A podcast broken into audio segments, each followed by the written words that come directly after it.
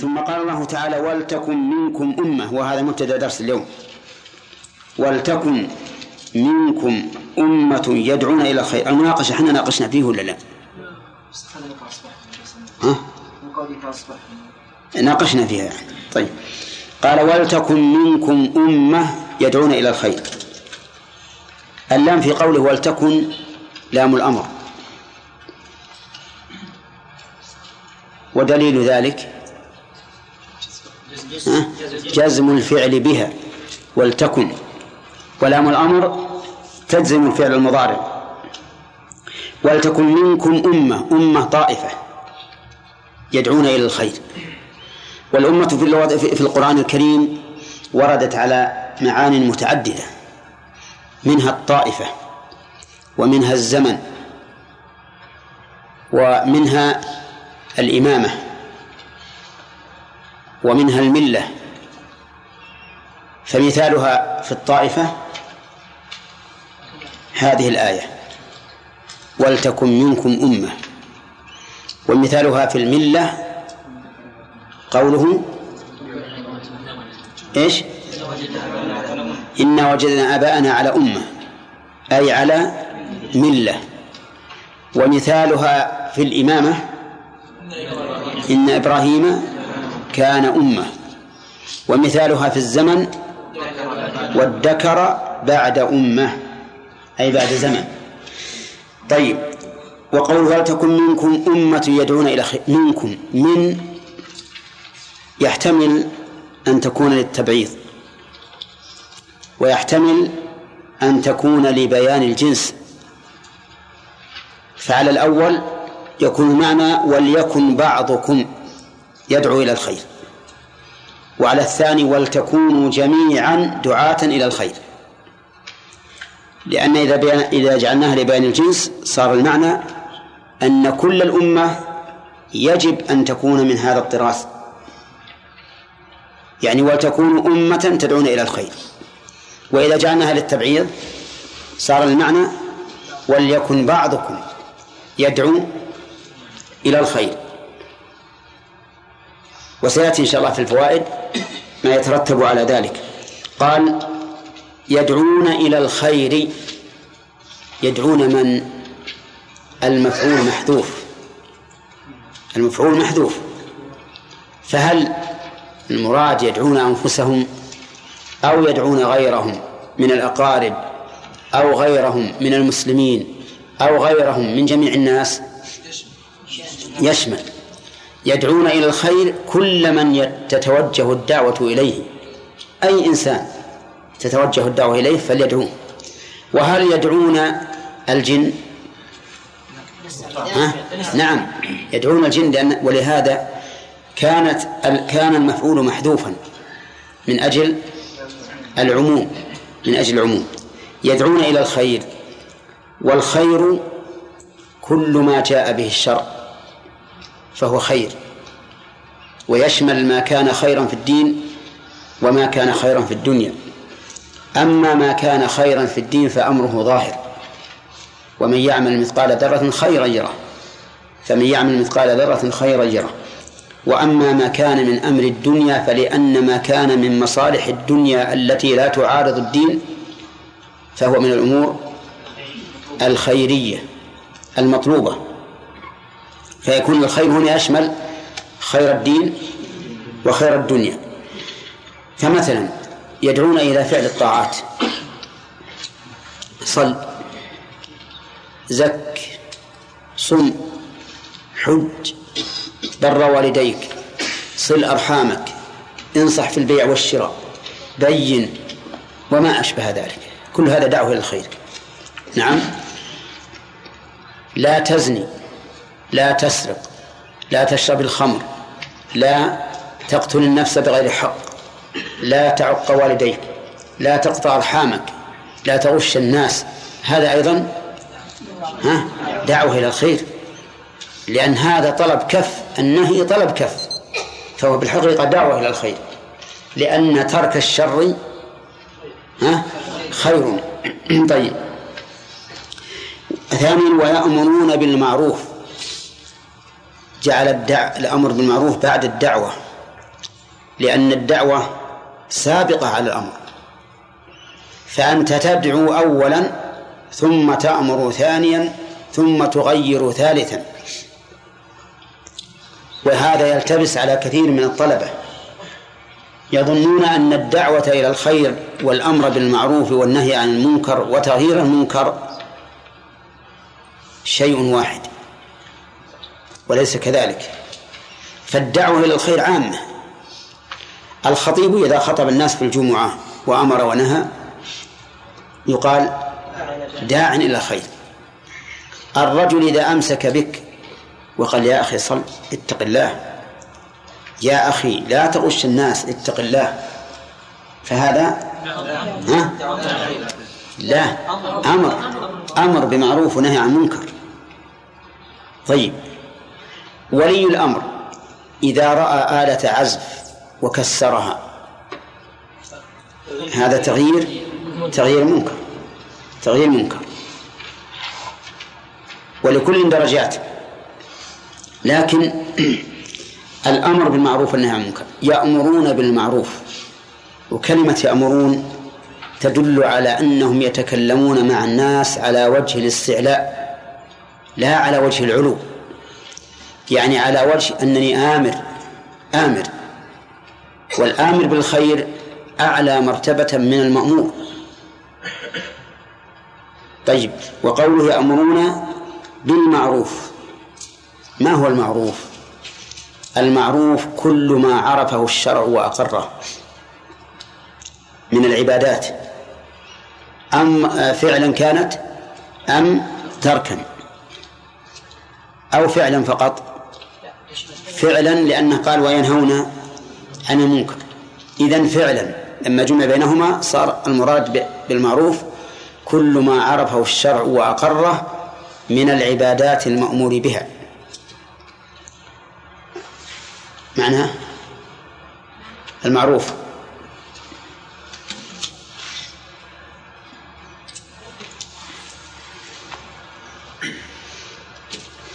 القلب يسرح. إذا سرح القلب ينطلق عاد ما يرد أشد من المدفع. تعرف الصاروخ؟ ها؟ أشد من الصاروخ قلبك. إذا غفلت خلاص ما عاد يرده إلا الثريا. نعم. عرفه الشرع فعلا أو ترك. حذفنا أو ترك في النهاية. من فعل الطاعات. لأن ينهون عن المنكر تكون مقابل للفعل. طيب. إذا ما عرفه الشرع وأقره من أمر الطاعات هو هو المعروف. فالأمر بالتوحيد أمر بمعروف. الأمر باتباع السلف في العقيدة أمر بمعروف. الأمر بالصلاة أمر بمعروف. الأمر ببر الوالدين أمر بمعروف. وهل مجرة هذا هذا الأمر المعروف قال وينهون عن المنكر. ينهون النهي. طلب الكف على وجه الاستعلاء يعني يطلبون من الناس أن يكفوا عن المنكر. وما هو المنكر؟ المنكر ما أنكره الشرع. ما أنكره الشرع من الأعمال والأخلاق. فهو إيش؟ فهو منكر. طيب الزنا السرقة شرب الخمر قتل النفس آه، العدوان على الناس بأخذ أموالهم انتهاك أعراضهم كل هذه منكرات. فهم ينهون عن المنكر. طيب.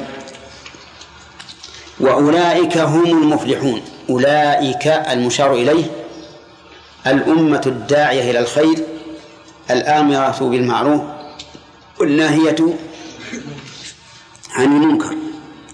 وهي مبتدأ أولئك وهم ضمير فصل لا محل له من الإعراب. والمفلحون خبر المبتدأ. خبر المبتدأ. فلو قال قائل لماذا لا تجعلون هم مبتدأ؟ ثاني. والمفلحون خبر المبتدأ الثاني والجملة خبر المبتدأ الأول. قلنا لا نقول ذلك. لأننا لو قلنا ذلك لفاتتنا فوائد ضمير الفصل. ويدل لهذا يعني أننا لا نجعل ضمير الفصل مبتدأ. قوله تعالى لعلنا نتبع السحرة إن كانوا هم الغالبين. هم الغالبين. وجه الدلالة أننا أنه لم يجعل ضمير الفصل مبتدأ. لو جعل مبتدأ لقال إن كانوا هم الغالبون حتى تكون الغالبون خبر لهم. على كل حال ضمير الفصل حرف لا محل له من إعراب لكن جاء على صفة الضمير الاسمي الضمير الاسمي. المفلحون المفلحون هم الناجون من الكربات الحاصلون على المطلوبات. فالفلاح هو النجاة من المكروبات أو من المكروهات والحصول على المطلوبات. إذن ففيه أمران. سلامة وكسب. السلامة منين؟ من المرهوبات والكسب للمطلوبات. ولهذا تعتبر كلمة الفلاح من أجمع الكلمات. من أجمع الكلمات. طيب. فالمفلح إذن الفائز بمطلوبه الناجي من مرهوبه. هذا هو المفلح. في هذه الآية, الكريمة نقرأ اللي بعدها أحسن عشان نصلها. قال ولا تكونوا كالذين تفرقوا واختلفوا من بعد ما جاءهم البينات وأولئك لهم عذاب عظيم. نهى الله أن نكون كهؤلاء الذين جمعوا بين وصفين ذميمين التفرق والاختلاف. التفرق والاختلاف. ورتب على هذا الجزاء المشين وهو قوله وأولئك لهم عذاب عظيم قوله ولا تكونوا كالذين تفرقوا أي لا تصيروا مثل الذين. وعلى هذا فنعرب الكاف هنا اسما لتكون خبر تكون. تكون مثل الذين تفرقوا.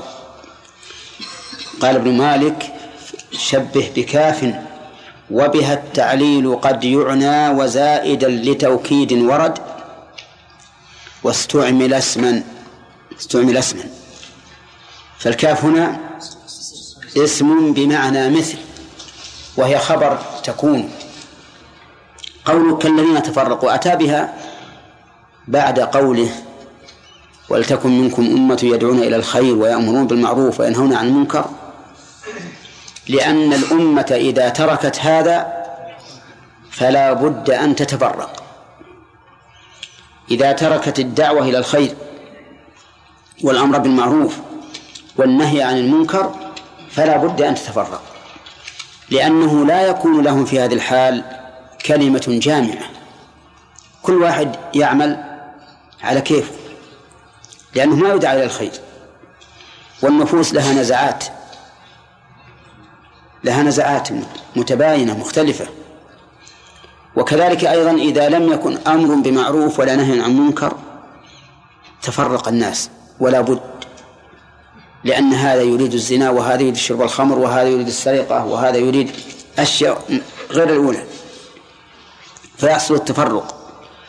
فإذا أمروا بالمعروف صاروا كلهم على المعروف وإذا نهوا عن المنكر صاروا كلهم على ترك المنكر. طيب قال ولا تكونوا كالذين تفرقوا. مثل من؟ وما تفرق الذين أوتوا الكتاب إلا من بعد ما جاءتهم البينة. إذن أول من نمثل بهم أهل الكتاب اليهود والنصارى. اختلفوا اختلافا عظيما. من بعد ما جاءتهم البينات فنهانا الله تعالى أن نكون مثلهم ولا تكونوا مثلهم. في أي شيء ننظر للوصف الذي نهينا أن نكون مثلهم فيه وهو التفرق والاختلاف. إذن من بعد ما جاءتهم بينات إذن إذا نهينا عن ذلك فهو أمر بضده. إذا نهينا عن التفرق والاختلاف فهو أمر بالاجتماع والائتلاف. بالاجتماع ضد التفرق والائتلاف ضد الاختلاف. كأن كأن الله يقول اجتمعوا وائتلفوا ولا يكن فيكم افتراق ولا اختلاف فتكونون فتكونوا مثل من؟ مثل اليهود والنصارى. قال تعالى وأولئك لهم عذاب عظيم. وأولئك قبل. اختلفوا من بعد ما جاءهم البينات. طيب تفرقوا واختلفوا. تفرقوا في أبدانهم. ولم يجتمعوا وصاروا أحزابا واختلفوا في قلوبهم وفي مناهجهم. فصار لكل حزب منهج معين يفرح به ولا يتزحزح عنه ويرى أن من سواه على ضلاله. طيب قال وأولئك لهم عذاب عظيم. أولئك أشار إليهم بصيغة البعد لأن أولئي اسم إشارة ليش؟ البعيد أولئك. وذلك لانحطاط مرتبتهم. لانحطاط مرتبتهم. يعني كأنهم لانحطاط مرتبتهم نزلهم المتكلم منزلة من؟ البعيد منه. لأنه يتبرأ منهم ومن أعمالهم. لهم عذاب عظيم. لهم عذاب العذاب هو العقوبة والعياذ بالله. لأنه يؤلم صاحبه ويعذبه. والعظيم هو الشيء المستعظم في كيفيته وفي كميته. في كيفيته وكميته. لأن عذابهم نسأل الله العافية الشديد. متنوع ولا غير متنوع؟ متنوع. يسقون من رح من, من ماء حميم والعياذ بالله. إلى برودة المهم أنها متنوعة. كذلك أيضا عظيم في دوامه. مستمر أبدي. نسأل الله العافية. في هذه الآيات بل في هاتين الآيتين فوائد. في الأولى وجوب الدعوة إلى الخير. وجوب الدعوة إلى الخير. تؤخذ من أي شيء؟ من لام الأمر ولتكن والأصل في الأمر الوجوب. ومن فوائدها أن ذلك على الكفاية لقوله منكم وهذا على القول بأن من للتبعيض. أما إذا قيل إن من لبيان الجنس فإنه يدل على أنه يجب على الأمة كلها أن تكون أمة داعية إلى الخير. أمة داعية إلى الخير. بمعنى أنه لا ينتظر بعضهم بعضا هل يأمر أو لا يأمر بل كلهم يكونون مستعدين لذلك. كلهم دعاة. فمثلا إذا قيل لشخص قم فادعو إلى الخير قال والله في فلان يدعو إلى الخير في الكفاية. هذا لا ينبغي. كل ينبغي أن يدعو إلى الخير ما استطاع. لأن الله قال ولتكن منكم أمة تكون أمة بمجموعها تدعو إلى الخير. ومن فوائد الآية الكريمة ملاحظة الإخلاص. ملاحظة الإخلاص. بقوله يدعون إلى الخير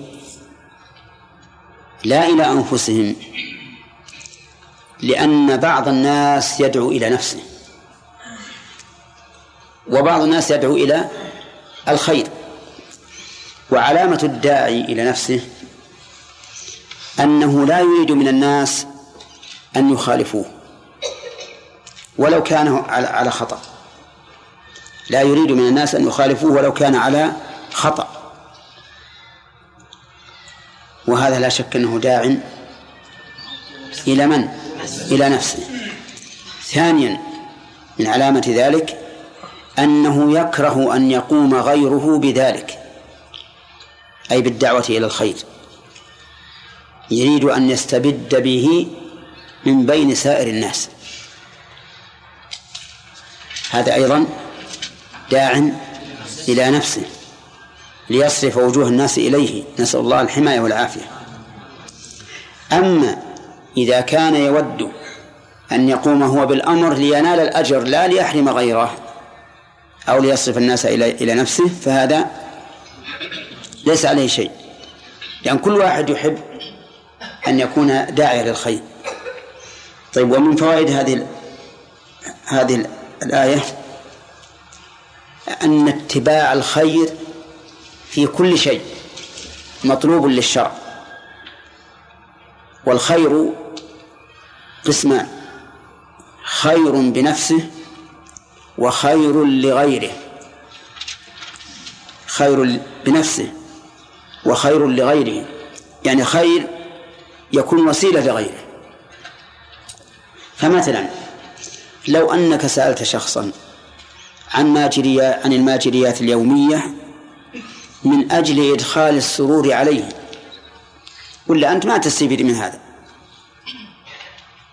فهل هذا من الخير؟ أسألكم هل هو من الخير أو لا؟ طيب لنفسه أو لغيره؟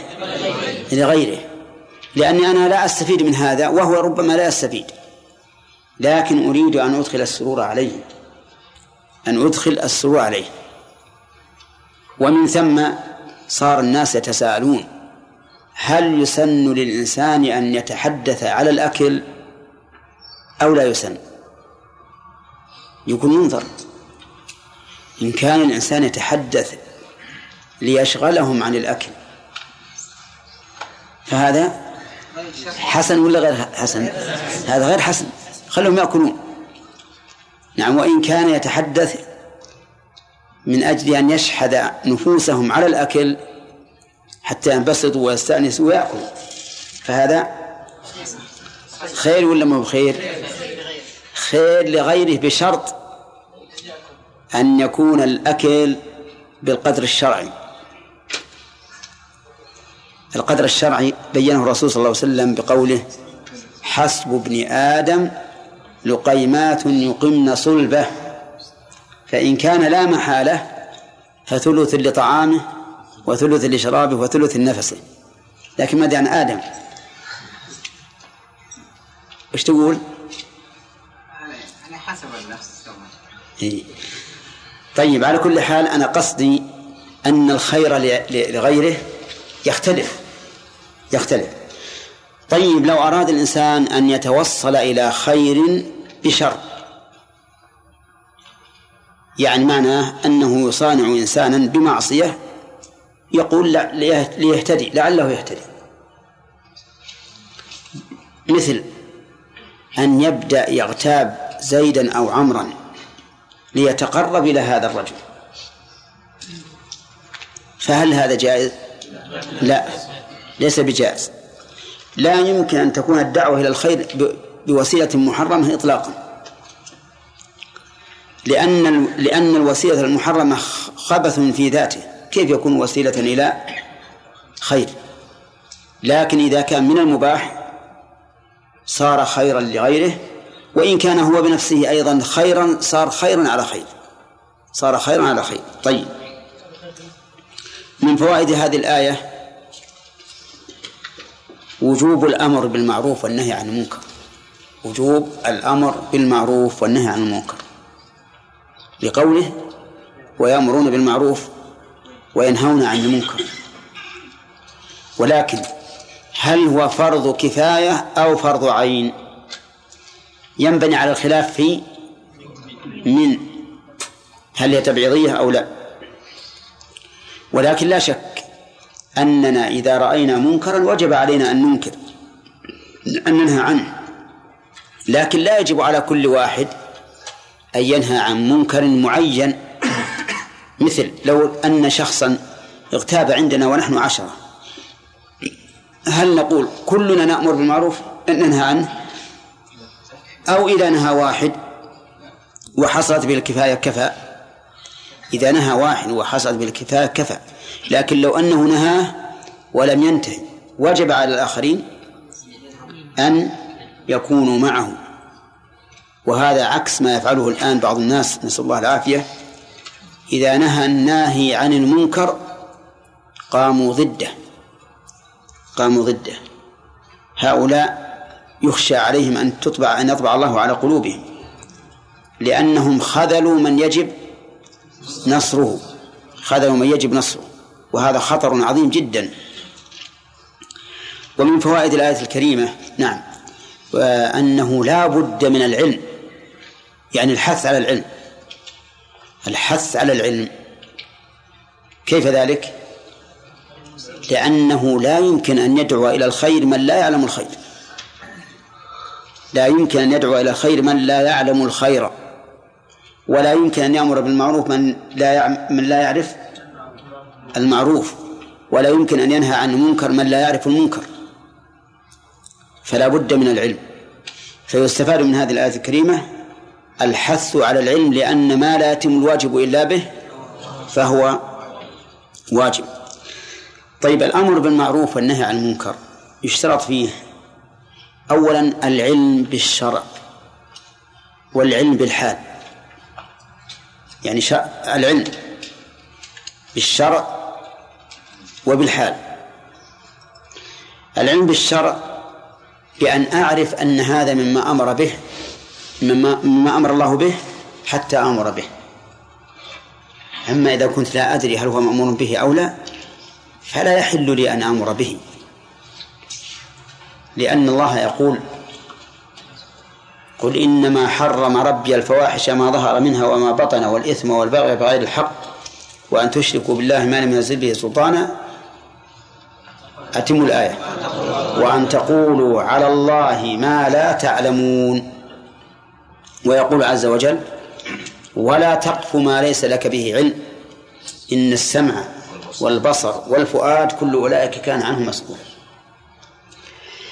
العلم بالحال بأن أعلم أن هذا الرجل ترك المعروف أو فعل المنكر. ترك المعروف أو فعل المنكر. أما أن آمره بمعروف وأنا لا أدري هل فعله أو لا فهذا لا يجوز. لأن هذا من قفو ما ليس لي به علم. وكذلك لو نهيته عن منكر وأنا لا أدري هل هل ارتكب المنكر أو لا. فإن ذلك لا يجوز لأنه من من قفو ما ليس به علم. مثال ذلك دخل رجل المسجد فجلس. وأنا ما رأيته من حين دخل. فهل أقول له قم فصل ركعتين؟ أو أسأله هل صلى أو لم يصلي. الثاني الثاني لأن الرسول صلى الله عليه وسلم كان يخطب الناس يوم الجمعة فدخل رجل فجلس فقال أصليت؟ قال لا. قال قم فصل. ولم يأمره يقول قم صل. ليش تجلس؟ حتى استفهم. هذا أمر بالمعروف النهي عن المنكر وجدت شخصا يمشي وإلى جانبه امرأة. إلى جانبه امرأة. قلت يا أخي اتق الله. كيف تمشي مع المرأة؟ وش تقولون في هذا؟ هذا لا يجوز. لأنه من الممكن أن هذه المرأة من محارمه. من محارمه. فكيف تنهى عن شيء على أنه منكر وأنت لا تعلم أنه منكر؟ إذا لا بد من العلم بإيش؟ بالحال. حال المأمور وحال المنهي. كما أنه لا بد من العلم بإيش؟ بالشرع. أن أعلم بأن هذا من المعروف الذي أمر به الشرع أو من المنكر الذي نهى عنه الشرع. هذان شرطان وإن شاء الله يأتي بقية الشروط.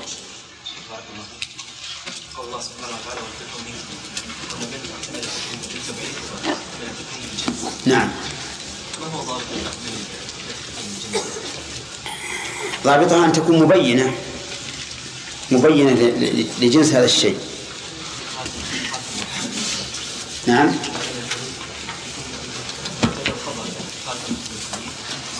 لا لا مو مو لازم مو بلازم. إذا قلت مثلا الإنسان من تراب هذه لبيان الجنس ويحتمل من, تراب يعني بعض التراب. ما هو كل التراب. هذه مثله منكم يعني يحتمل أن يكون وليكن بعضكم أو أو أو أو المعنى ولتكون أمتكم هذه الأمة. نعم. خالد؟ شيخ حسن الله إليك. قال الله عز وجل من بعد ما جاءهم البينات ولم يكن جاءتهم البينات. نعم. قلنا هي النقطة في هذا. إيه. اللغة العربية في مثل هذا التركيب تجيز هذا وهذا ولهذا جاءت الآية في موضع آخر من بعد ما جاءتهم البينات. فهذه جائز في اللغة العربية. نعم.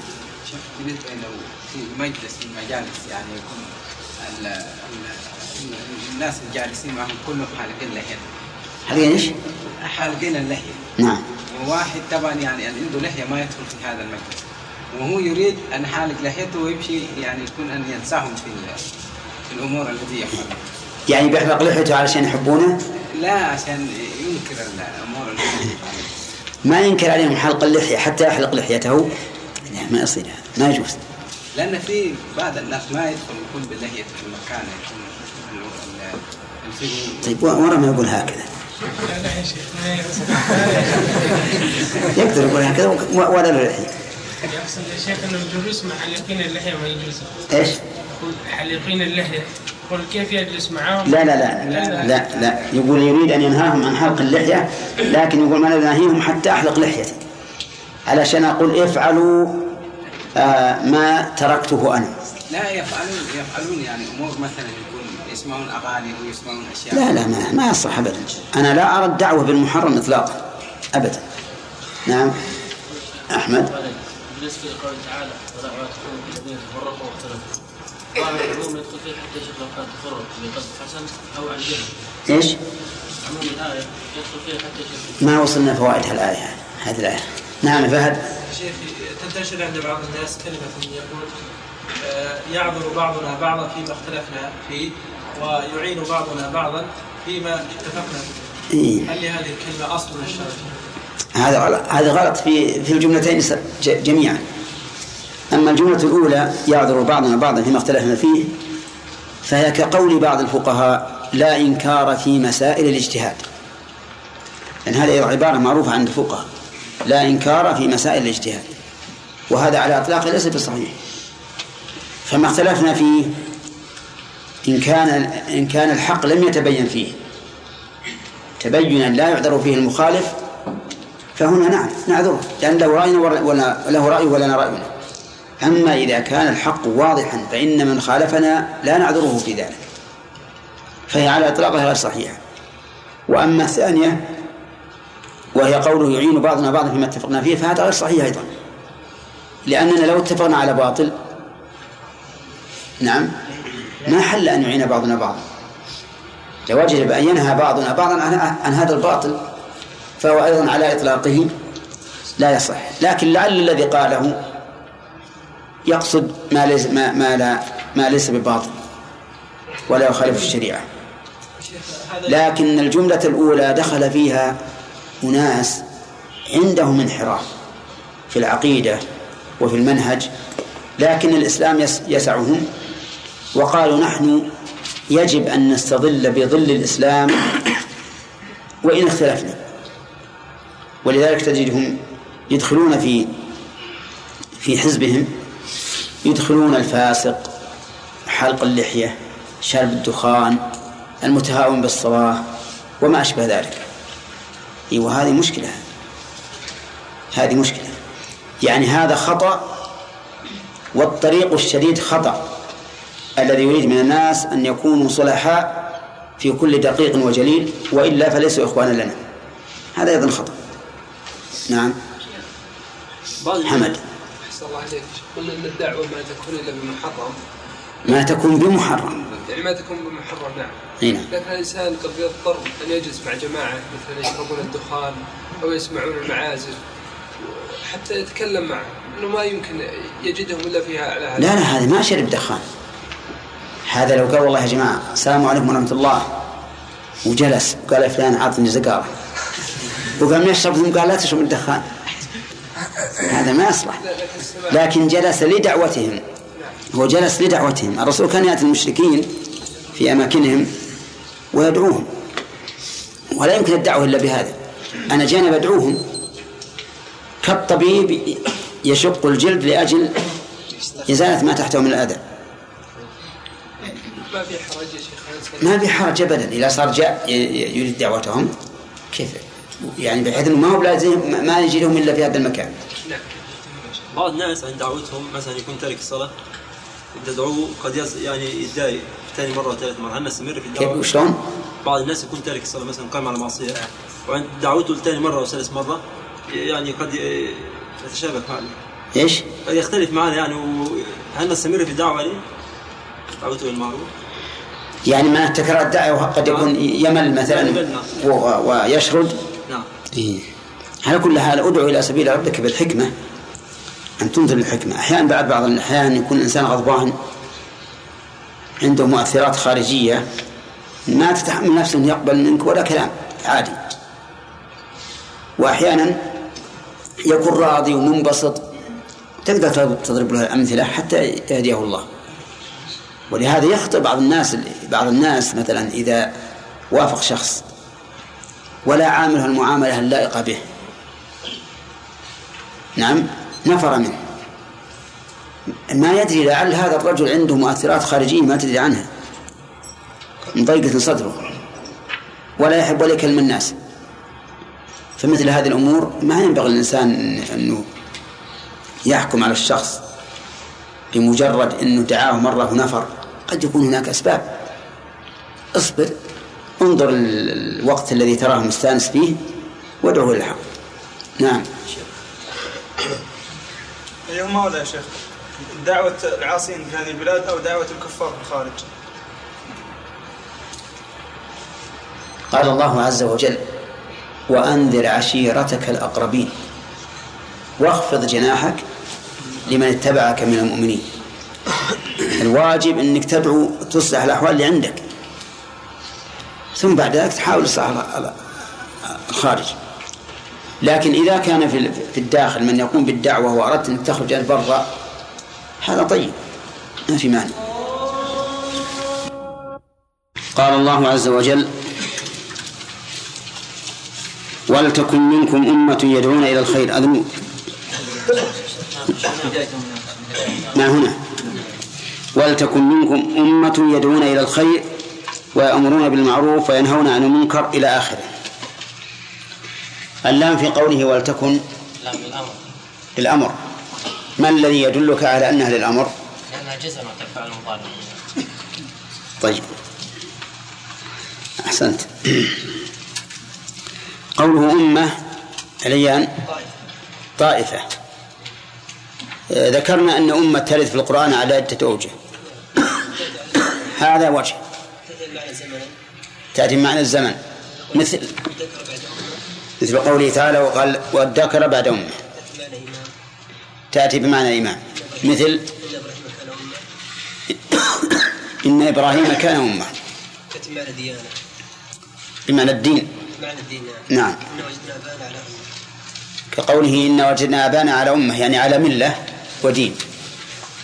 الرابع طائفة في هذه إيه. طائفة.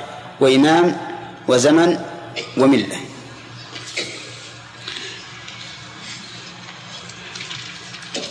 قوله يدعون إلى الخير المراد بالخير محمد؟ المراد بالخير؟ نعم. هو الدين. يعني يدعون إلى الدين. إلى الدين فقط؟ يعني كل خير سواء خير الدين أو خير الدنيا. إيه. طيب. قوله يأمرون بالمعروف ما هو المعروف؟ اللي وراك يا آدم. أنت. لم أكن حاضرا الدرس السابق اي طيب. معروف كلما وافق الشرع والأخلاق إيش؟ كلما وافق الشرع أنت ذكرت قيل. أنت قلت قيل ما وافق. كلما جاء به الشرع نجو الله. بما عرف الشرع وقرر ما عرفه الشرع وأقره نعم. طيب. المنكر. ممكن كل ما كره الشارع نعم. كل ما انكر الشرع وزجر عنه ونهى عنه فهو منكر. قوله وأولئك هم المفلحون. يا فهد. هم هنا. إعرابه؟ لا محل له من الإعراب. وما فائدته؟ فائدته آه، أولا لتنبيه السامع وأيضا لا. فائدته نعم. ليفصل بين الصفة والخبر. الفصل بين الصفة والخبر يعني التمييز بين الخبر والصفة. والصفة. طيب هذا واحد. تنبيه السامع شيء؟ لا. فهد؟ الحصر التوكيد الحصر والحصر. والتمييز بين الصفة طيب بارك الله فيك. من المفلح؟ المفلح هو الذي فاز بخير الدنيا والآخرة أو هو الذي نجا من فاز بالم- بالمطلوب ونجا من المرغوب الذي فاز بالمطلوب ونجا من المرغوب أحسنت. قول ولا تكونوا كالذين تفرقوا. ما علاقة هذه الآية بما قبلها يا عبد الله؟ ما كنت حاضرا؟ نعم. أنهم إذا تركوا الأمر بالمعروف نعم. والنهي عن المنكر تفرقوا. تفرقوا. أحسنت. ما وجه ذلك؟ أنهم عندما هو أمرهم بأن يكون منهم أم- أمة لا ما وجه كونهم إذا تركوا الأمر بالمعروف والنهي عن المنكر تفرقوا. لا لا لا لم يقام الأمر بالمعروف والنهي عن المنكر. إي نعم. اختلفت الأمة تختلف. كيف تخ... ليش تختلف؟ يضل بأخ- كل يعمل بهواه أي لأن كل واحد يعمل بهواه حينئذ ولا بد أن يتفرقوا قوله من بعد ما جاءهم البينات يا حجاج. ما هي البينات؟ البينات هي التوراة بالنسبة لليهود والإنجيل بالنسبة للنصارى. يعني الآيات البينات. جاءهم الآيات البينات أن يأمروا وينهوا عن المنكر فتركوا الأمر بالمعروف والنهي عن المنكر وتفرقوا. جاءهم البينات على الأمر بس الأمر بالمعروف والنهي عن المنكر. إيه. طيب. أظن أخذنا الفوائد ها؟ ما كملنا. ست فوائد. نعم ما هي؟ وجوب الدعوة إلى الخير. أن أن ذلك على الكفاية ملاحظة الإخلاص بقوله يدعون إلى الخير. أن اتباع الخير في كل شيء مطلوب للشرع والخير قسمان وجوب الأمر بالمعروف والنهي عن المنكر. أصبر والخير قسمان يعني وذكرت. خير لنفسه خير لغيره. زين. وجوب الأمر بالمعروف والنهي عن المنكر لا بد من الحث على العلم؟ سادسا. لا بد من الحث على العلم. لا ما هو ذاك؟ لأنه لا يمكن أن يدعو إيه إيه ما هو بلا بد. الحث على العلم. شروط الامر شروط الامر أي ما القادم ها؟ طيب. آه، الحث على العلم لأنه لا بد أن يكون الآمر والناهي عالما. طيب. وهذا يعني العلم نبدأ الآن الشروط وهذا يعني العلم بالمنكر أو بالمعروف أحد شروط وجوب الأمر بالمعروف والنهي عن المنكر. يعني لا بد أن يكون الإنسان عالما. طيب. ترى أظن حتى الدعوة إلى الخير قبل أن نتكلم حتى الدعوة إلى الخير تدل على الحث على العلم. لأن من لا يعرف الخير كيف يدعو إليه؟ إذا ففي الآية حث على العلم في الأمور الثلاثة في الدعوة إلى الخير وفي الأمر بالمعروف وفي النهي عن المنكر. طيب. الأمر عن عن المنكر يشترط فيه شروط. أولا العلم. العلم وهذا مأخوذ من أنه لا يمكن أن يأمر بمعروف أو ينهى عن منكر إلا حيث علم أنه معروف وأنه منكر. منكر. طيب. العلم بماذا؟ العلم أولا بأن هذا معروف وأن هذا منكر. هذه واحد. الثاني العلم بحال الفاعل أي أنه فعل منكرا أو ترك معروفا. ليس مجرد أن نرى إنسان على منكر ننكر عليه حتى نستفصل ولا أن نراه تاركا لمأمور حتى نستفصل. فلو رأينا شخصا يأكل الميتة لا ننكر عليه. تنسأل لماذا تأكل الميتة؟ قد يقول إنه مضطر. قد يقول إنه مضطر وحينئذ يكون أكل الميتة في حقه حلالا. كذلك لو لو رأينا أحدا يصلي الفريضة جالسا لا ننكر عليه لتركه القيام. حتى نسأل ربما يكون عاجزا. إذا لا بد من العلم بحال إيش؟ المأمور والمنهي. لأنه قد يكون على أمر لا يتوجه إليه الأمر قد يكون على حال لا يتوجه إلى الأمر ولا يكون آثما. طيب هل نحن ذكرنا دليلا لذلك؟ ذكرنا. لا ذكرنا. قلنا دخل رجل والنبي صلى الله عليه وسلم يخطب يوم الجمعة فجلس. فلم ينكر عليه الجلوس. بل قال له أصليت؟ قال لا. قال قم. فصلي ركعتين. فدل هذا على لابد أن يعلم حال المأمور والمنهي. الشرط الثالث أن لا يتغير المنكر إلى ما هو أنكر منه.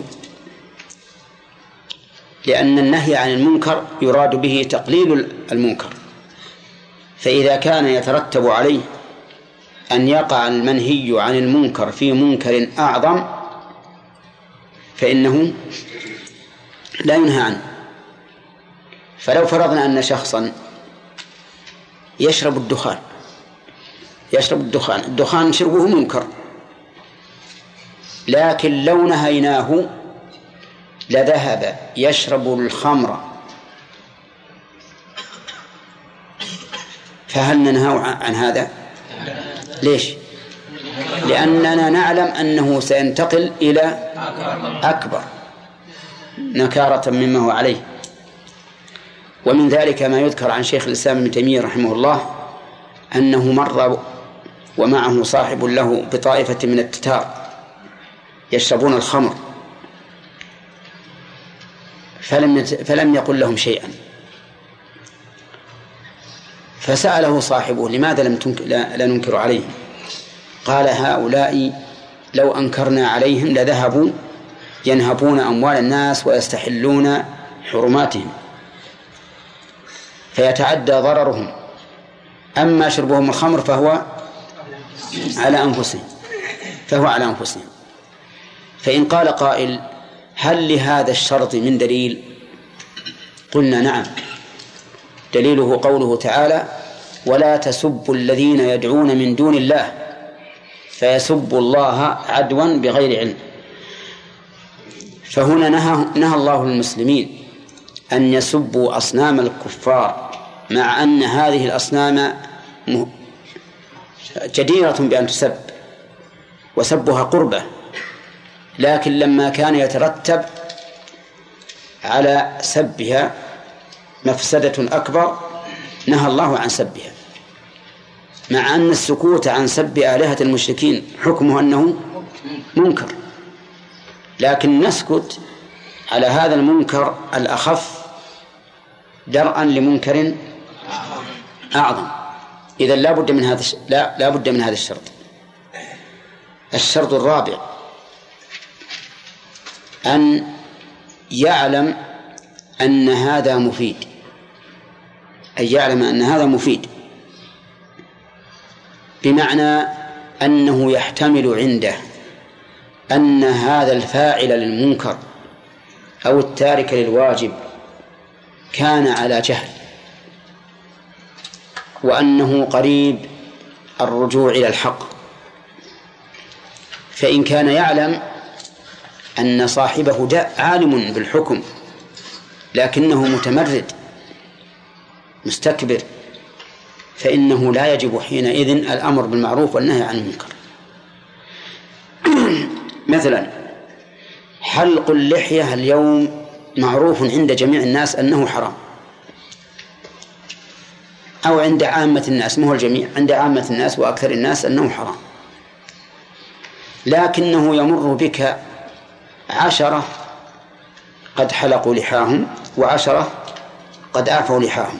يعني نصف الناس تقريبا قد حلقوا لحاهم فهل يلزمك كلما رأيت شخصا حالقا لحيته في الشارع أن توقفه وتقول له اتق الله لا تحلق لحيتك؟ نعم. المبادرة بالجواب قبل التأني يا آدم قد تكون خطأ. ها. ما تقولون؟ نعم. نقول ننظر. قد يكون هذا الرجل تتمارى فيه الخير وأنك إذا نصحته امتثل. وقد يغلب على ظنك أنه رجل عارف أنه رجل عارف للحكم لكنه مستكبر عنه أو متهاون به. المهم أن بعض أهل العلم يرى أن هذا من شرط وجوب الأمر بالمعروف والنهي عن المنكر. وربما يستدل لذلك بقوله تعالى فذكر إن نفعت الذكرى. ذكر إن نفعت. يعني فإن لم تنفع فلا تذكر. قال فإذا كان التذكير وهو دعوة للخير لا يجب إلا إذا نفع فالأمر بالمعروف والنهي عن المنكر من باب أولى. لأن الأمر بالمعروف والنهي عن المنكر أشد من الدعوة إلى الخير. الدعوة كل إنسان يدعو ولا, ولا, وليس فيه شيء عليه. لكن الأمر هو الذي قد يجد أذية من من المأمور أو المنهي. والمسألة هذه في النفس منها شيء. قد نقول إن عليه أن يأمر وينهى وأن ذلك لا يخلو من فائدة. لو لم يكن من فائدته إلا علم الناس بأنه معروف أو بأنه منكر. لأننا إذا سكتنا بحجة أن الأمر لا ينفع أو النهي لا ينفع بقيت المنكرات على ما هي عليه وبقي التهاون بالواجبات على ما هو عليه وصار وصار الشباب الذين يخرجون من جديد يظنون أن هذا المنكر إيش؟ معروف. وأن المعروف ليس بمعروف. ولهذا في هذا الشرط نظر في هذا الشرط نظر. بل نقول يجب الأمر بالمعروف والنهي عن المنكر سواء يعني سواء ظننت أنه مفيد أم لم يفد لكن في حدود الاستطاعة في حدود الاستطاعة. لأن جميع الواجبات إنما تجب بالاستطاعة فاتقوا الله ما استطعتم. فإذا كان يشق على الإنسان أن يمسك كل واحد يمر به في السوق على منكر أو من حلق لحية أو غيره فإنه لازمه لا يلزمه إلا ما يقدر عليه لأن الله يقول وما جعل عليكم في الدين من حرج. الشرط الخامس أن يكون الآمر بالمعروف فاعلا له. والناهي عن المنكر تاركا له. يعني لا تأمر بالمعروف وأنت لا تفعله ولا تنهى عن المنكر وأنت تفعله. كذا الصواب.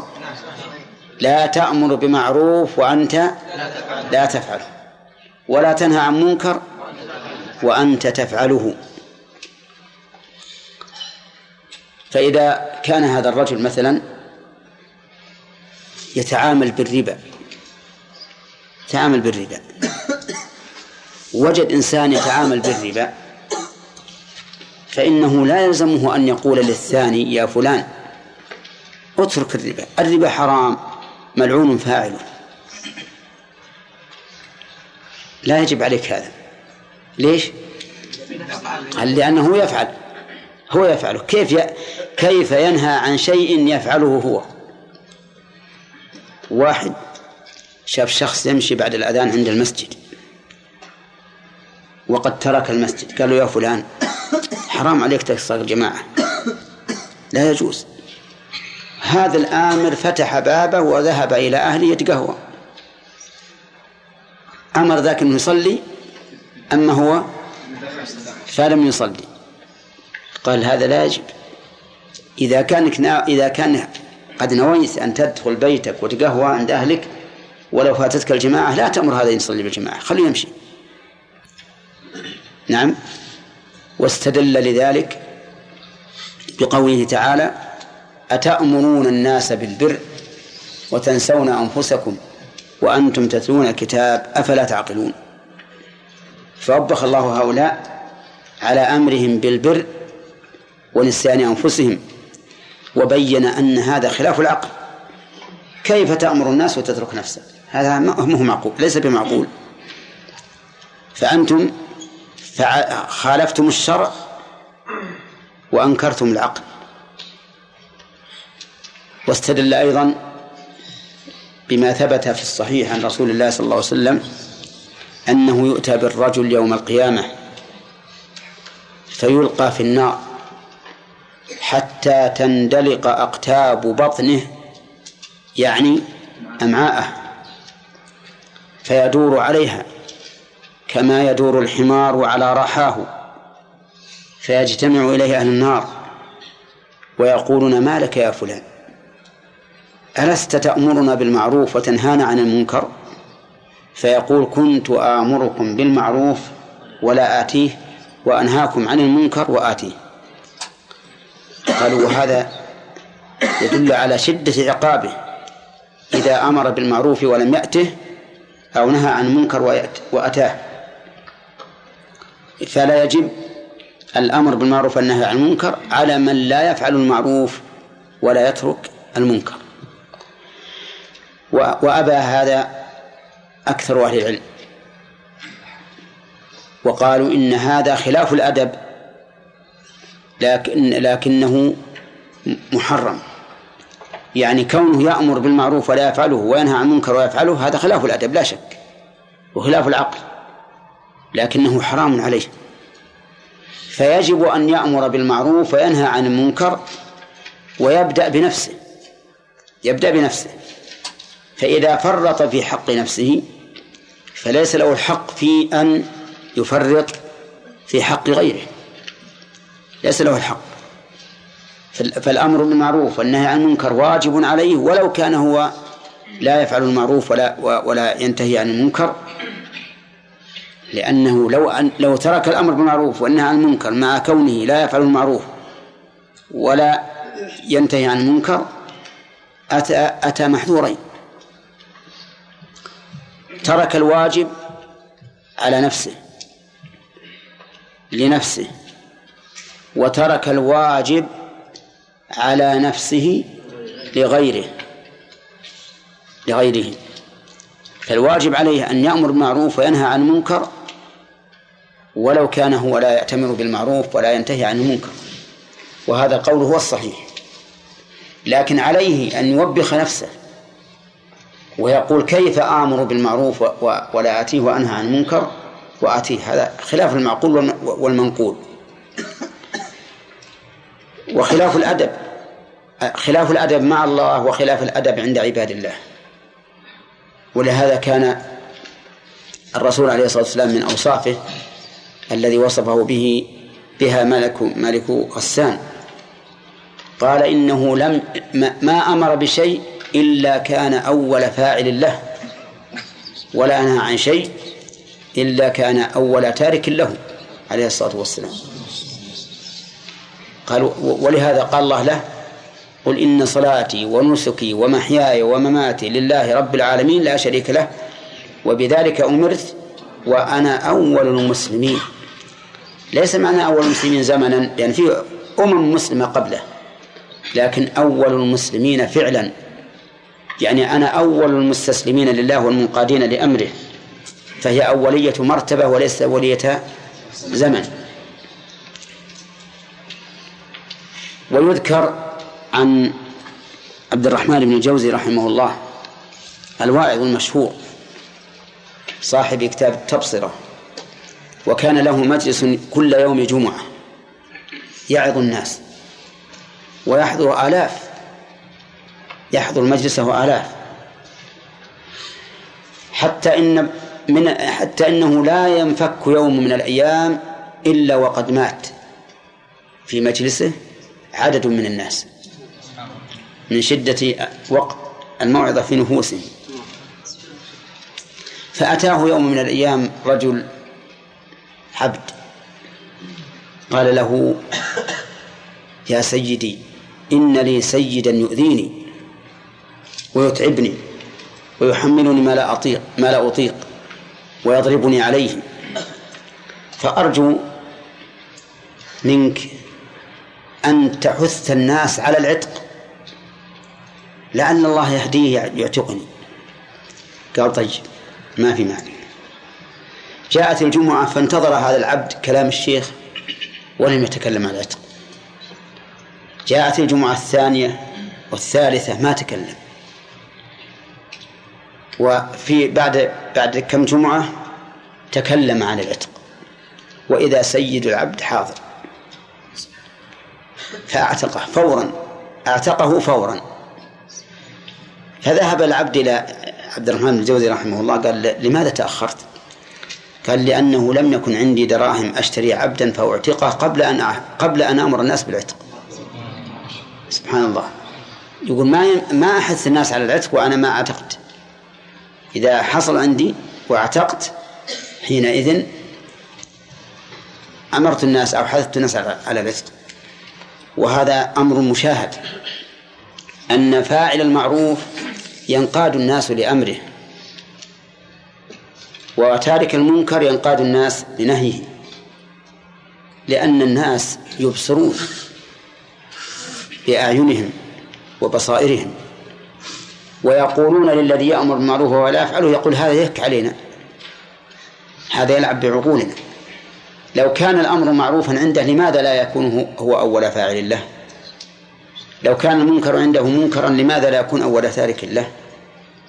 فلذلك لا شك أنه من الأدب أن يكون الآمر فاعلا لما أمر به والناهي تاركا لما نهى عنه. أما أن يجعل ذلك شرطا في الوجوب ونقول لهذا الذي لا يفعل المعروف ولا ينتهي عن المنكر نقول لا يجب عليك الأمر بالمعروف ولا النهي عن المنكر ولا تأثم بتركه فهذا بعيد جدا. لأن الذين يقولون من شرط الوجوب أن يكون فاعلا لما أمر به تاركا لمن عنه يقولون إنه إذا لم يأمر بالمعروف ولا ينهى عن المنكر في هذه الحال فإنه إيش؟ لا إثم عليه. لا إثم عليه. لأن من شرط الوجوب أن يكون هو ممتثلا. وبهذا يتبين لكم يتبين لكم ضعف هذا القول.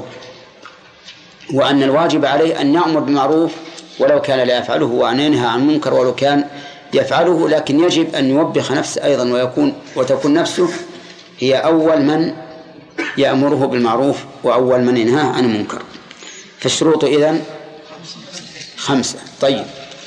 من آداب الأمر بالمعروف والنهي عن المنكر من الآداب للواجب أن يكون لينا في أمره. لينا في أمره لينا في نهيه. لأن اللين خلق كريم. يعطي الله سبحانه وتعالى به ما لا يعطي على العنف كما قال النبي عليه الصلاة والسلام ذلك. وكما أرشد الله إليه موسى وهارون حين أرسلهما إلى فرعون فقال ربنا إننا نخاف أن يفرط علينا أو يطغى. نعم.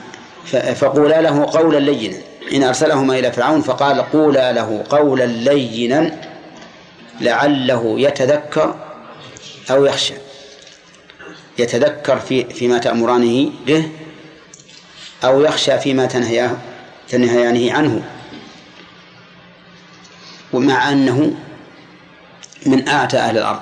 إن لم يكن أعتى أهل الأرض فعلى كل حال من الآداب أن يكون الإنسان لينا في أمره ونهيه ومن الآداب أيضا أن يكون مقنعا في حجته. مقنعا في حجته. لأنه إذا أمر بمعروف قد يقول المأمور ما دليلك على هذا؟ وإذا نهى عن منكر قد يقول ما دليلك على هذا؟ فلا بد أن يكون عنده إقناع.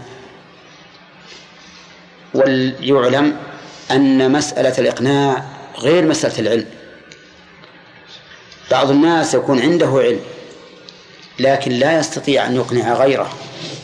ليس عنده قوة حجة وبيان. وبعض الناس يكون أقل علما منه لكن عنده قوة إقناع.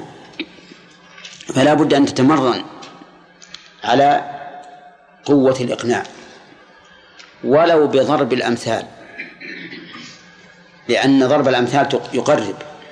يوجد الآن مثلا فيه طائفة معروفة تدعو إلى الله وتخرج.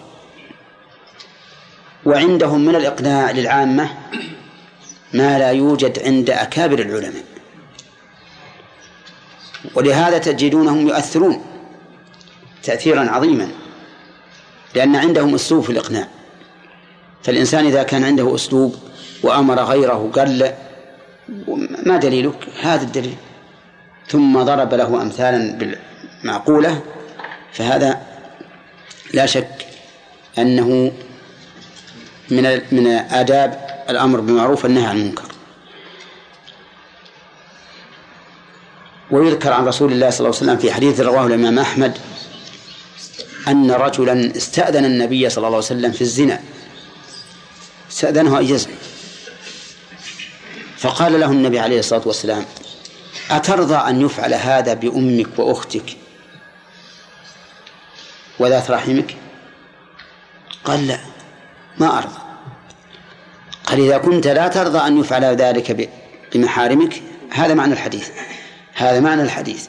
إذا كنت لا ترضى كيف ترضى أن تفعله أنت بمن بمحارم الناس هذا هذا أسلوب مقنع يعني مجرد ما يتصور الإنسان هذه المسألة يبتعد أنت لو ترى شخصا يغازل أختك أو زوجتك أو بنتك ماذا ماذا تفعل؟ ترضى؟ ها؟ ما ترضى كيف أن ترضى لنفسك أنك تغازل بنات الناس؟ أو أشد من ذلك تزني والعياذ بالله.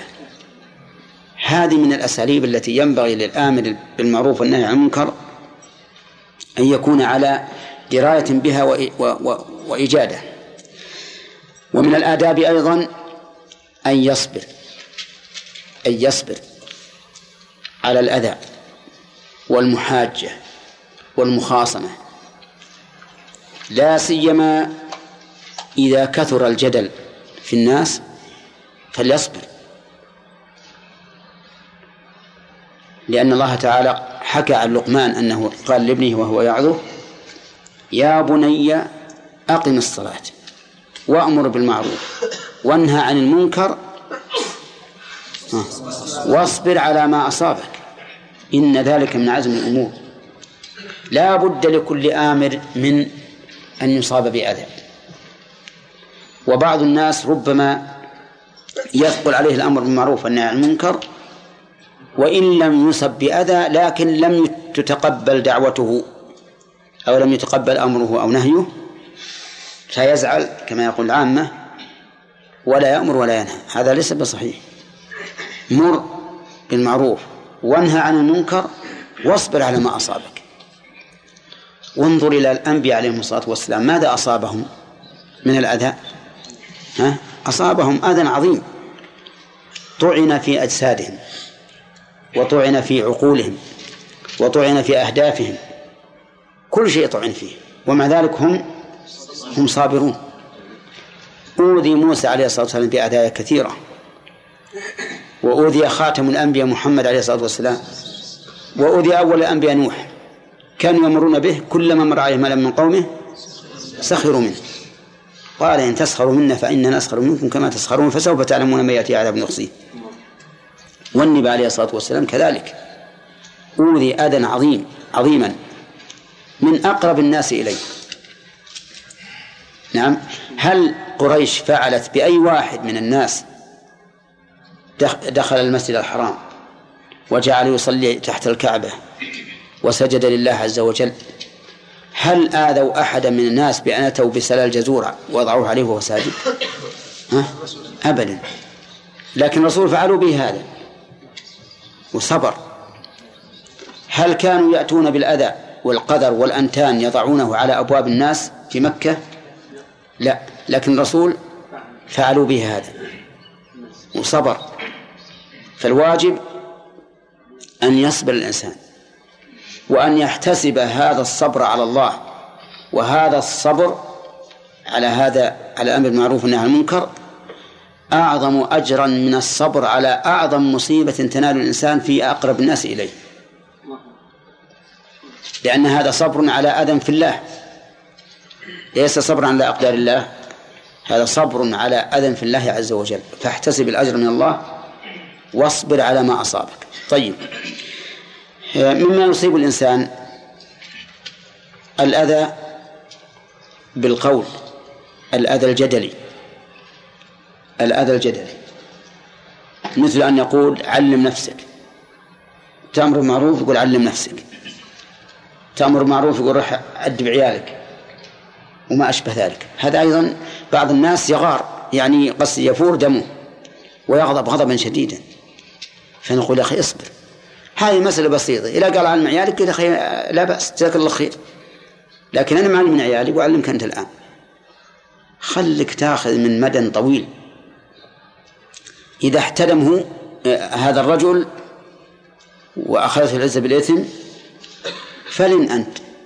وسوف يبرد. لأن المشكل أن يقابل الحار بالحار لكن إذا قبل حار ببارد ها؟ برد. وصارت المسألة طبيعية. لكن تصادم حارا بحار خلاص تشتعل النار. ولذلك أقول إنه يجب علينا أن نصبر وإذا رأينا الناس قد شدوا الحبل أرخيناه. وإذا رأينا لينا جذبناه. نعم. طيب هذه إذن ثلاثة آداب ينبغي لطالب العلم للآمر بالمعروف والنهي عن المنكر أن يتأدب بها. وإذا أضفنا الشرط الخامس أن أن من الآداب أن يكون هو أول فاعل لما أمر به وأول تارك لما نهى عنه صارت الآداب أربعة والشروط الوجوب أربعة. نعم. طيب. من فوائد هذه الآية من فوائد هذه الآية فضيلة الدعوة إلى الخير والأمر بالمعروف والنهي عن المنكر. وهذه أرجو أن تكون أن تكونوا على جانب كبير منها. الدعوة إلى الخير والأمر بالمعروف والنهي عن المنكر. الدليل على فضيلة هذه قوله وأولئك هم المفلحون. إذا خسر الناس فهؤلاء هم المفلحون الرابحون. ومن فوائد الآية التي بعدها النهي عن التفرق. لقوله ولا تكونوا كالذين تفرقوا. وقد ذكرنا في التفسير أن المراد بذلك تفرق القلوب لا الآراء. لأن تفرق الآراء أمر لا بد منه لأن الناس يختلفون في العلم والحفظ والفهم والإيمان والعمل. وكل هذه الأمور الخمسة كلها من أسباب اختلاف الناس. فلا يمكن أن يتفق الناس في الرأي لكن الواجب اتفاق إيش؟ القلوب. طيب. ومن فوائدها أن ترك الدعوة إلى الخير والأمر بالمعروف والنهي عن المنكر سبب للتفرق. لأنه أعقب الآية السابقة بهذه الآية مما يدل على أن ترك الدعوة إلى الخير والأمر بالمعروف والنهي عن المنكر سبب للتفرق. ومن فوائدها أن التفرق بعد أن تبين الحق أشد قبحا من التفرق حين خفاء الحق. يؤخذ من قوله من بعد ما جاءهم البينات. وهو وذلك لأنه إذا جاءت البينات واتضح الحق فلا وجه للتفرق. لكن إذا كان الحق خفيا فقد يحصل التفرق. والحق ولله الحمد في هذه الشريعة واضح. بين لأنه في كتاب الله المحفوظ إلى يوم القيامة. ومن فوائد الآية الكريمة الوعيد الشديد على الذين تفرقوا واختلفوا من بعد ما جاءهم البينات. لقوله تعالى وأولئك لهم عذاب عظيم. وأولئك لهم عذاب عظيم. ومن فوائد هذه الآية أن العقاب يختلف باختلاف الجرم. لأنه لما كان فعل هؤلاء عظيما كان عذابهم عظيما. انتهى الوقت. نعم عبد الوهاب. عليك يا شيخ. السلام عليك يا شيخ الآن يعني تدعو أو تأمر أحد يعني تدعوه إلى معروف تنهى عن منكر. يحتج عليك أحيانا يعني بما تقره الدولة. يقول أن دولتي هي من أشد البلاد تطبيقا للشريعة. نعم. ولو كان هذا منكر لما يعني وجد في هذه البلاد. فماذا يعني نجيبه؟ نعم. الذي يحتج بفعل الدولة نقول هذا ليس بحجة بإجماع المسلمين. الحجة في كتاب الله وسنة رسوله صلى الله عليه وسلم وإجماع المسلمين. والمسلمون أجمعوا على أن فعل الدول ليس بحجة. ثم إذا كان هناك شيء تفعله الدولة يعترف هو بتحريمه نقول انظر الدولة فعلت كذا وكذا. هل تقول هذا حرام؟ أو تقول حلال؟ نعم. فإذا كان يعترف بأنه حرام نقول إذن ليس هناك حجة في فعل الدولة. نعم. في هذا الزمن كثر مفتين يا شيخ وركب الفتوى كل من تمطى على الجوال. فنجد كثير من الناس إذا سألته عن حكم شيء أو أنكرت عليه حكم الدخان مثلا قال يقول الشيخ الفلاني إنه مكروه. نعم. ما يعرف المكروه من المحرم لكن يتبع مثل ما قال العامة حط بينك وبين النار مطوع شيخ نعم. يعني ما عندك حجة إذا قال هذا هذا صحيح أن المفتين الآن كفروا لا شك. وأنه ركب المطية من لا يعرف أن يصرفها.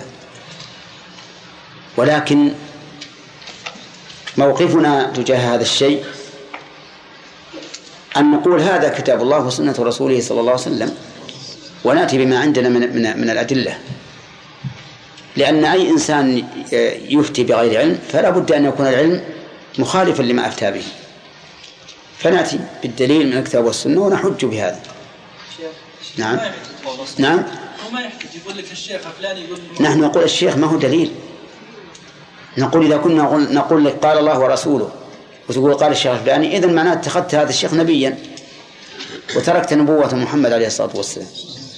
ونقول ما يوم القيامة هل ستسأل عن هذا الشيخ ولا عن الرسول؟ عن الرسول ويوم يناديهم فيقول ماذا أجبتم المرسلين؟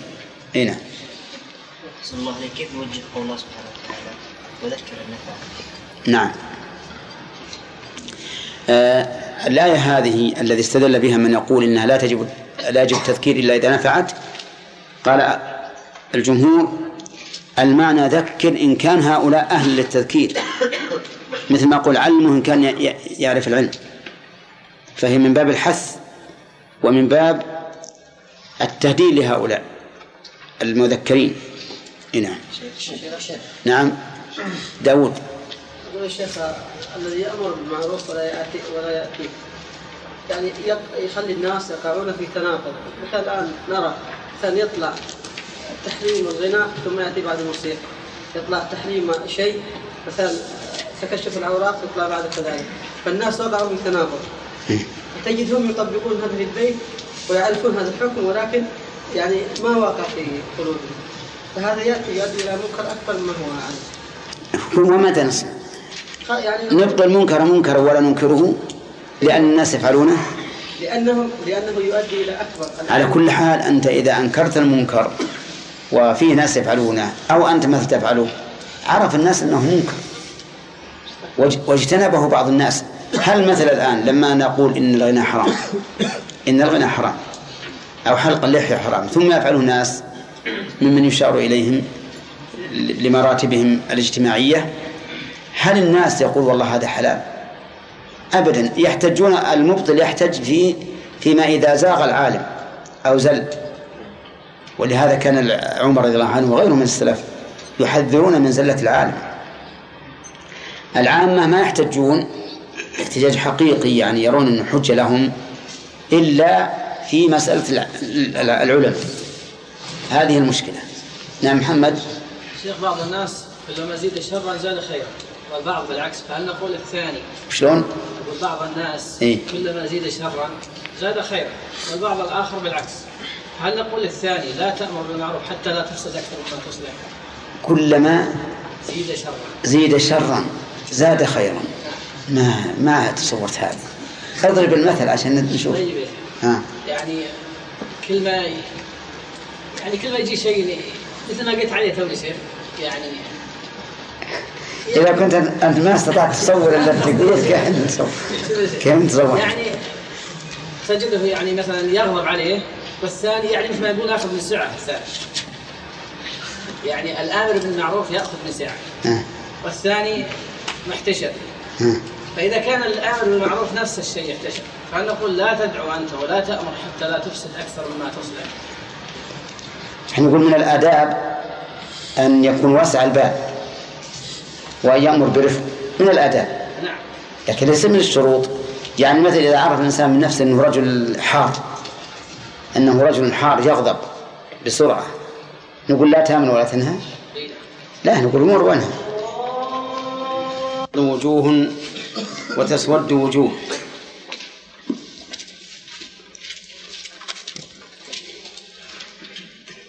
قوله يوم تبيض وجوه يحتمل أنها جملة استئنافية وأنها متعلقة بمحذوف. تقديره اذكر يوم تبيض وجوه وتسود وجوه. يعني أذكر هذا اليوم الذي ينقسم فيه الناس إلى هذين إلى هذين القسمين. ويحتمل أنها متعلقة بالخبر في قوله أولئك لهم عذاب عظيم يعني لهم عذاب عظيم في ذلك اليوم. وقوله يوم تبيض وجوه الإبيضاض معروف أي تكون بيضاء.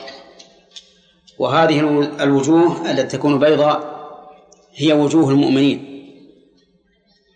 وتختص هذه الأمة بأنها يكون لبيضاضها نور تعرف به يوم القيامة.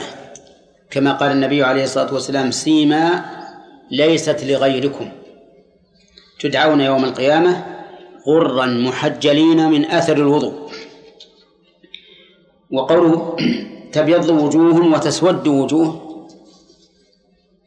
قد يبدو للإنسان من أول وهلة أن هذين القسمين متساويان لأنه قال تبيض وجوه وتسود وجوه ولكن هذا غير مراد وذلك لأن أكثر بني آدم من أهل النار وجوههم مسودة والعياذ بالله فإن من بني آدم تسعمائة وتسعة وتسعين كلهم في النار وواحد من الألف في الجنة كما صح بذلك الحديث عن رسول الحديث عن رسول الله صلى الله عليه وسلم. قوله تسود وجوه أي تكون سوداء. وسبب هذا الابيضاض والاسوداد والله أعلم أنه مما يبشر به هؤلاء ويوبخ به هؤلاء. فإن المؤمنين يبشرون إذا بعثوا من قبورهم برحمة الله عز وجل وتتلقاهم الملائكة هذا يومكم الذي كنتم توعدون. وأما الكافرون فبالعكس. ومن المعلوم أن الإنسان إذا بشر بما يسره يستنير وجهه ويظهر عليه علامة السرور. قال فأما الذين اسودت وجوههم أكفرتم بعد إيمانكم. فأما الذين اسودت وجوههم الفاء للتفريع وأما للتفصيل لأنه قال بعدها وأما الذين ابيضت وجوههم. قول فأما الذين اسودت وجوههم بدأ بذكر الذين اسودت وجوههم مع أنه أخر ذكرها فيما قبل. لأنه قال يوم تبيض وجوه وتسود فأما الذين اسودت وجوههم. وكان المتوقع أن يقول فأما الذين بيضت وجوههم لأن هذا هو الترتيب. ولكنه كان الأمر بخلاف المتوقع. ويسمي علماء البلاغة هذا النوع من السياق لف لفا ونشرا مشوشا. أو أحسن نقول غير غير مرتب. فأما الذين اسودت وجوههم أكفرتم بعد إيمانكم. جواب أما محذوف. والتقدير فيقال أكفرتم. وأما الجملة أكفرتم بعد إيمانكم فهي مقول للقول المحذوف. أي فيقال أكفرتم. ومن القائل؟ يحتمل أن القائل هو الله عز وجل ويحتمل أن يكون القائل الملائكة. وعلى كل تقدير فالمراد بالاستفهام هنا التوبيخ والتنديم يقال لهم أكفرتم بعد إيمانكم. فذوقوا العذاب. فهذا الاستفهام للتوبيخ أي أن هؤلاء يوبخون. فيجمع لهم بين الألم البدني والألم القلبي النفسي. وذلك لأن العذاب قد يكون على البدن وقد يكون على النفس وقد يكون عليهما جميعا. من الناس مثلا من تضربه ولا توبخه.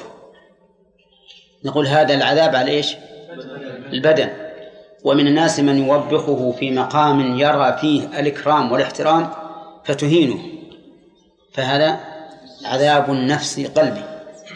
ومن الناس من يجمع له بين الأمرين كأهل كالكفار. فإن الكفار يوبخون في في عرصات القيامة ويوبخون عند دخول النار كلما ألقي فيها فوج سألهم خزنتها ألم يأتكم نذير؟ قالوا بلى قد جاءنا نذير فكذبنا وقلنا ما نزل الله من شيء إن أنتم إلا في ضلال كبير. ويوبخون أيضا بعد ذلك. كما في قوله تبارك وتعالى قال اخسأوا فيها ولا تكلمون. فإنهم يوبخون أيضا في حال دخولهم النار ومكثهم فيها ما شاء الله وطلبهم أن ينجوا منها. قول أكفرتم بعد إيمانكم. المراد بالإيمان هنا إيمان الفطرة لأن كل مولود يولد على الفطرة. كما ثبت ذلك في الحديث الصحيح عن النبي عليه الصلاة والسلام أنه قال كل مولود يولد على الفطرة فأبواه يهودانه أو ينصرانه أو يمجسانه. ويحتمل أن يكون المراد بالإيمان الإيمان الفطري الاختياري وتكون وتكون الآية في سياق من ارتدوا بعد إيمانهم لكن الأول أولى لأنه أعم. قال فذوقوا العذاب بما كنتم تكفرون. ذوقوا العذاب أي عذاب؟ البدني والنفسي. وقوله ذوقوا العذاب أي مسه.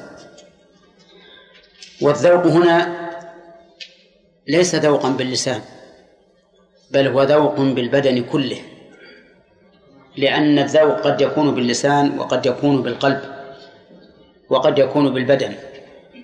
فقول الرسول عليه الصلاة والسلام ذاق طعم الإيمان من رضي بالله ربا المراد به ذوق القلب لا ذوق اللسان.